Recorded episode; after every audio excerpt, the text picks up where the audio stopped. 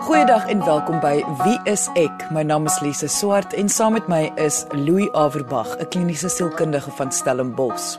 Verlede week, die 16de Junie, was dit jeugdag. Die hele week het ek geluister hoe kenners gesels oor 'n verskeidenheid onderwerpe, van die gesondheid van kleuters, advies vir tieners oor hoe om beroepe te kies en die belang van tieners vir ons land se toekoms. Almal baie belangrike onderwerpe. Maar soos ek na die gesprekke geluister het, het ek probeer onthou hoe was ek as 'n tiener?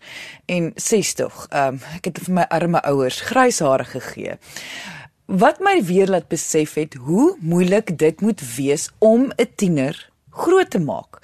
Hoeveel moontlike gevare ouers van tieners daagliks in die oë moet staar.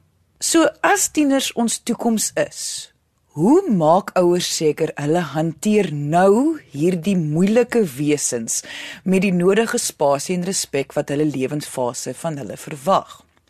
So ek en Louis besluit toe om vandag se episode te fokus op twee aspekte. Een, dit wat ouers van tieners sien as gedragsprobleme en twee, die meer algemene kom ons sê foute wat ouers volgens die navorsing begaan tydens die aanspreek van hierdie aannames. Voor ons daarby uitkom, omdat ek verlede week so baie aan my eie tienerjare gedink het, wou ek hoor wat onthou ander mense van hoe hulle was as tieners en hoe dit verskil van hoe hulle nou na hulle self kyk. Was baie stil en soos jy gesê terug betrokke, maar ek het later uit my dop uitgekom en meer praterig geraak, uitgegaan en vandag is ek 'n uh, live persoon, ek hou van met mense gesels. As 'n tiener was ek baie rus. O, ek was baie voor die TV. Ek het ek het verskriklik baie TV gekyk. En my ouers het altyd vir my aan, "Nou, het jy nie vriende nie? Wanneer gaan jy uit? Of doen dit, doen dit.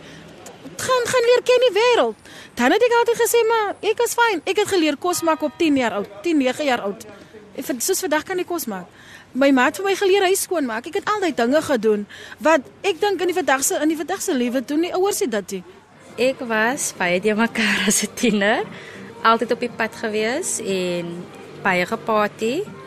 Maar nou dat ek 'n baba het, nou is ek meer rustig en ek is nou net in die huis, ek speel spend meer my tyd met haar. So dis so ek nou is. Louis, kom ons begin net eers deur te identifiseer wat presies is 'n tiener. Met ander woorde, hoe som die menslike gedragswetenskap hierdie lewensfase op? Dit is 'n bekende nog vis, nog vlees lewensfase. So half tussen 'n kind en 'n groot mens is 'n lomperige fase.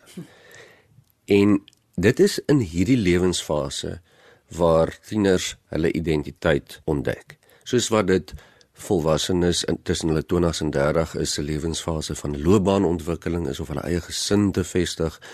Mense in hulle laat 70s miskien wat lewensfase om voorbereiding te doen vir afsterwing. Sal hierdie die tydperk wees waar hulle deur geweldige fisiese en kognitiewe veranderinge gaan wat te doen daarmee het om jou eie identiteit te vorm. Die beste beskrywing hiervan wat ek al gehoor het is dat dit die lewensfase is waar tieners hulle ouers moet afdank as bestuurders om hulle later weer in hulle lewe aan te stel as konsultante. So dit is 'n komplekse fase en dit gaan daaroor weg van die gesin af, weg van pa en ma af, wie is ek heeltemal op my eie. Maar mens sou amper dink dat juis omdat hulle so wegbeweeg sodat hulle nogal vrolike wesens maak. Hoekom is hulle dan so verskriklik ongelukkig en en isolerend en maak arme ouers se lewens nogal moeilik? Dis 'n baie deurmekaar lewensfase. Dis 'n rebelse fase om jou eie identiteit te vorm, moet jy so half rebels wees, moet jy half teen die stroom gaan. Maar as jy dit doen en jy doen dit nie heeltemal korrek nie, kry jy ook moeilikheid met goeie reg van die skool of ouers of van jou maats af. En dit is dan waar kinders nie meer kinders wil wees nie, hulle wil volwassenes wees, maar hulle weet nog nie hoe nie en probeer alles in hulle vermoë om dit te doen en mors dan gruwelik op gewoonlik in die proses. As 'n tiener was ek eintlik baie stil en teruggetrokke. En nou is ek nog teruggetrokke, maar my werk is ek gedwing om eintlik om baie met mense te werk en openlik met hulle te werk en te hanteer. Ek dink ons maar as baie keer uh, in 'n moeilike stadium van 'n lewe en hulle is ook uh, nou moeilik om te sê Al weet nie wat vir hulle voor lê nie. Hulle is onseker van wat hulle moet doen. Hulle kry altyd die regte inligting by die regte mense oor hoe die lewe al vorentoe gaan hanteer nie. En dit gee vir hulle probleme. 'n Vriendin van my het nou die dag vir my gesê sy wens sy het nie so konstant gevoel haar tiener haat haar nie. Dat sy amper daagliks voel sy moet iets probeer doen om weer haar tiener van 14 se respek en liefde te wen. Ek kan nie onthou dat ek my ouers gehaat het nie. Ek bedoel hulle was hoogs aankoel en meeste van die tyd vrek irriterend, maar haat was nie juis deel van die prentjie nie. Ja, haat is 'n baie sterk woord en partykeer lyk dit so. En ek dink partykeer sê tieners dit ook vir hulle ouers of vir ander mense. Ek haat jou. Ek wil jou nooit sien nie. Ek wil niks met jou te doen hê nie. Dis baie selde dat dit regtig so is. Al lyk dit so of al voel dit so. Dis 'n algemene gevoel wat meeste tieners deel. Hulle wil nie so in hulle ouers se mag wees nie. Dis eintlik dit wat mens optel. Hulle wil nie hulle ouers as baase oor hulle hê nie. Mens kan dit amper vergelyk met 'n fase van rebellie waar iemand begin agterkom maar wag, die mense wat mag oor my het, het beheer oor my en ek wil dit nie hê nie en hulle wil dit ten alle koste van hulle afkry. So 'n dom rebellie as mens dit so kan stel. Dis deel van daai lewensfase.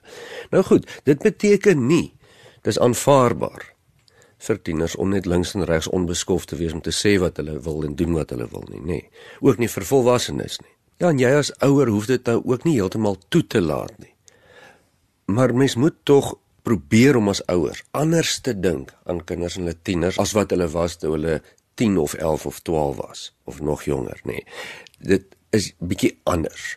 So ja, hulle mag nie onbeskof wees nie. Jy moet nog steeds jou grense stel, maar jy hoef ook nie onbeskof te wees nie, om dit so te stel. Jy moet so 'n bietjie genade. Ek neem aan oor wat jy nou gesê het ook as jy nou sê met die grense jy jy is ouer nog steeds jou grense stel maar juis omdat hulle in hierdie lewensfase is uh, kan jy die teels miskien 'n bietjie laat gaan of die grense aanpas vir die tiener is dit is dit wat dit op neerkom? Ja pas bietjie die grense aan. As mens nou mooi hieroor gaan dink 'n kind van 5 jaar oud wat vreeslik onbeskof optree kan mens in 'n groot mate verstaan, nê, nee, want dit is ook deel van kinders se lewensfase in daardie tyd. Hulle is nog besig om te eksperimenteer. So mens gaan nie so ernstig wees op 'n kind wat wat onbeskof optree op 4 of 5 nie. Hulle weet baie keer nog nie van beter nie. Mens sal baie ernstig voel oor 'n volwassene wat in sy of haar 30s, 40s of 50s baie onbeskof opdeel want ons sê maar jy moet van beter weet. Jy het mos nou al geleer. Die tieners pas so half tussen dit in. Hulle moet van beter weet, maar hulle weet nog nie regtig nie. So ja, ons ons is streng, ons hoef nie die gedrag te aanvaar nie, maar ons gaan nie so streng weet daarna kyk of daaroor dink of veroordeel en daarna kyk as wat dit was as dit 'n volwassene was. Jy luister na Wie is ek met Louie en Lise op RSG 100 tot 104 FM. Ek dink ek het um grootliks dieselfde gebly. Ek dink um ek is bietjie meer selfversekerd as wat ek was as toe ek 'n tiener was en um, ek dink die die groot rede hoekom mens um half verander van nou tot dan is omdat jy half meer jy jy is meer seker in jouself van wie jy is en wa, waarvoor waarvoor waarna jy kyk en wat hoe jy besluite maak. Tegnologie, met ander woorde selfone, internet ensovoorts word gereeld as verskoning gebruik vir gedragsprobleme van 'n tiener. Is dit so eenvoudig? Ek bedoel, is dit waar? Jong, hierdie is nie so eenvoudig nie. Ons is geneig as volwassenes vandag om tegnologie baie te blameer vir probleme onder tieners. Maar dis maar net omdat ons nie regtig tegnologie geken het soos wat hulle dit ken vandag nie. Waar ons 30 jaar gelede as tieners, miskien heeldag en aldag saam met ons vriende agter die skoolsaal sou gesit het of agter die fietshokkies sit die tieners nou op hulle selfone en praat met mekaar. Dis maar dieselfde proses, dit lyk net anders. Dit bedoel nie daar is nie gevare in tegnologie. In die natuurlik is daar gevare, maar ons moet bietjie realisties hierna kyk, bietjie na die groter prentjie kyk. As die kind goed funksioneer, dit beteken hy of sy kom goed met hulle maats of met ander mense oor die weg. Hulle kom hulle vakke deur. Daar's nie probleme op skool nie. En hulle is nou volgens jou heeldag op die selfoon dan beteken dit nie noodwendig daar is 'n probleem nie. Onthou sosialisering is baie belangrik in hierdie fase. Om met die portuïergroep in kontak te bly is vreeslik belangrik vir tieners. Vir hulle baie persoonlike ding. En dit is belangrik. En tegnologie is deesdae die manier hoe tieners sosialiseer. So mens moet dit nie sommer net wegvat nie, want jy vat hulle sosialiseringsgeleenthede weg. Maar tog is daar nog steeds baie ouers wat voel dat hulle kinders is te veel op hulle selfone. So hoe hoe kan mens dan hierdie aanspreek sonder om die sosialiseringsproses van die tienerjare te affekteer? Kyk, dit is nie altyd 'n goeie maatstaf nie. Maar 'n maatstaf om te gebruik miskien in hierdie omstandighede is om te kyk na die kind se portuïergroep. Hoe is die portuïergroep se algemene tegnologie gebruik? As jy nou dink jou kind is te veel of sy of haar selfoon en dis 3 ure 'n dag, maar die res van die graad spandeer 4, 5 ure 'n dag daarop. Dis nie te sê jy is dan verkeerd nie, nê, nee. maar mens moet dan so bietjie na die groter prentjie kyk om te kyk wat die algemene tendens is.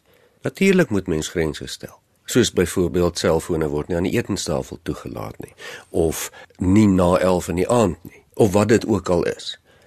En natuurlik is dit jou reg en ook jou plig om dit af te dwing.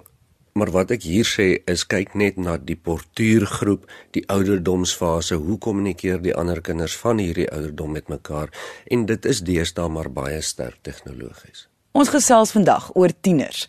Dit is nou kinders hoofsaaklik tussen die ouderdom van 12 en so 17, 18 jaar oud. Voor die advertensiebreek het ons gekyk na die rol wat tegnologie, soos selfone, die internet ensovoorts tydens hierdie lewensfase speel en die nodige grense wat ouers moet instel. Indien jy 'n ouer van 'n tiener is en jy het dit gemis, kan jy gaan luister na die potgooi van vandag se episode op RSG se webwerf. Dit is rsg.co.za. Klik op potgooi, kies wie is ek en luister na die episode volgens die uitsaai datum of kort beskrywing. Maar voor ons verder gesels, kom ons hoor watter raad het mense vir die ouers van tieners. Kom ons luister. Om die waarheid te sê, ek weet glad ek wens ek het geweet want ek maak self 'n tiener groot in oene vol moed en slaap die hele dag.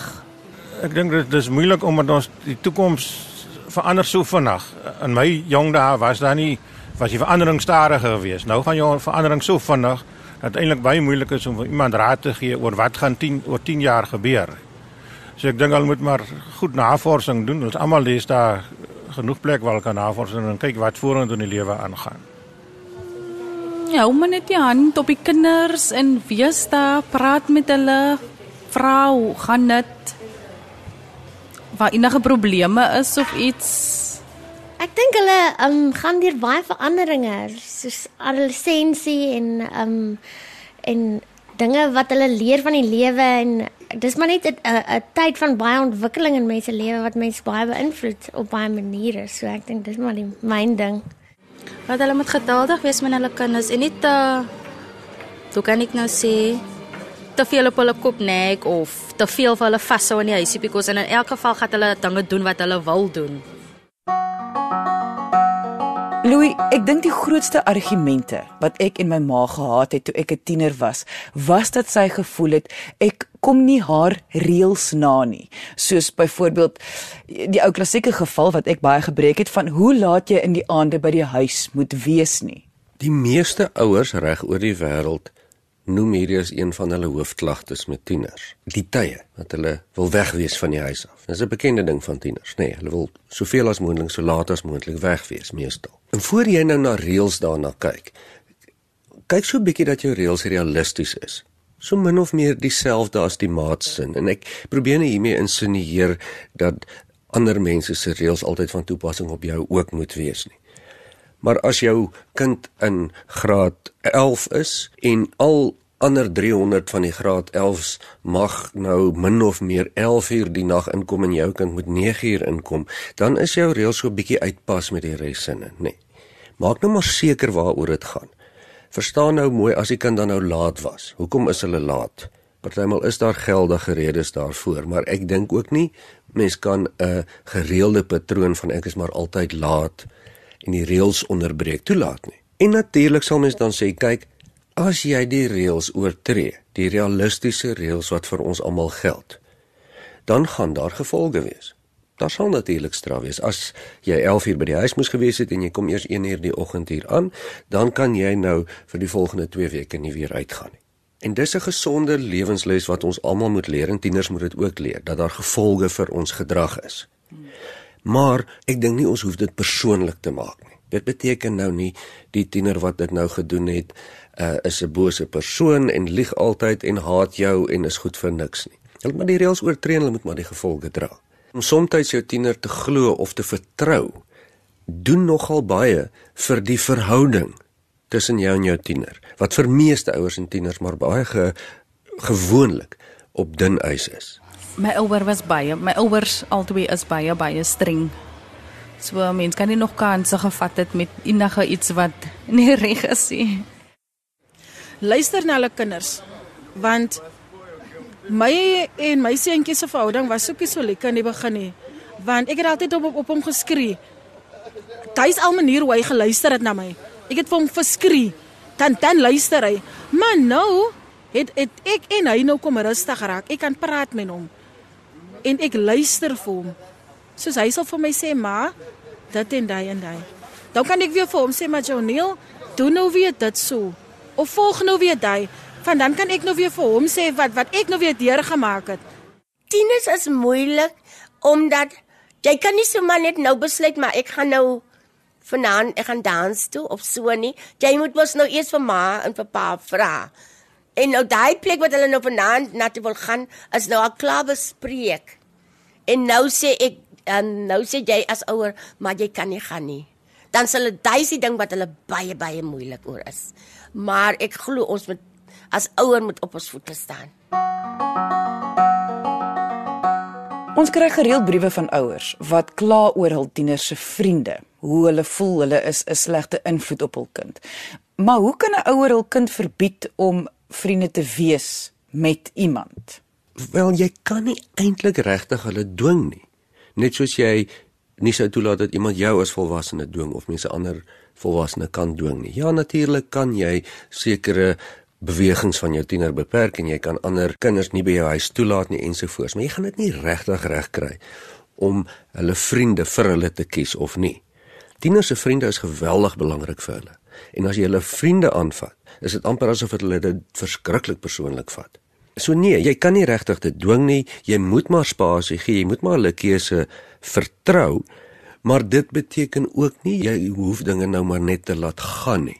As jy nou sien in die vriendekring van jou kind is daar nou dwelmgebruik, alkoholgebruik, dronkbestuur, wat dit ook al is, wat jy weet nie toegelaat kan word nie. Dan is dit tog jou plig as ouer om dan nou maar in te gryp en te keer dat die gedrag nie plaasvind nie. Hier is die fase waar die tieners self moet val en leer om op te staan.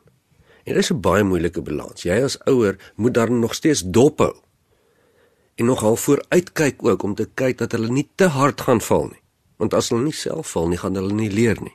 Dit is moeilik, dis 'n balans.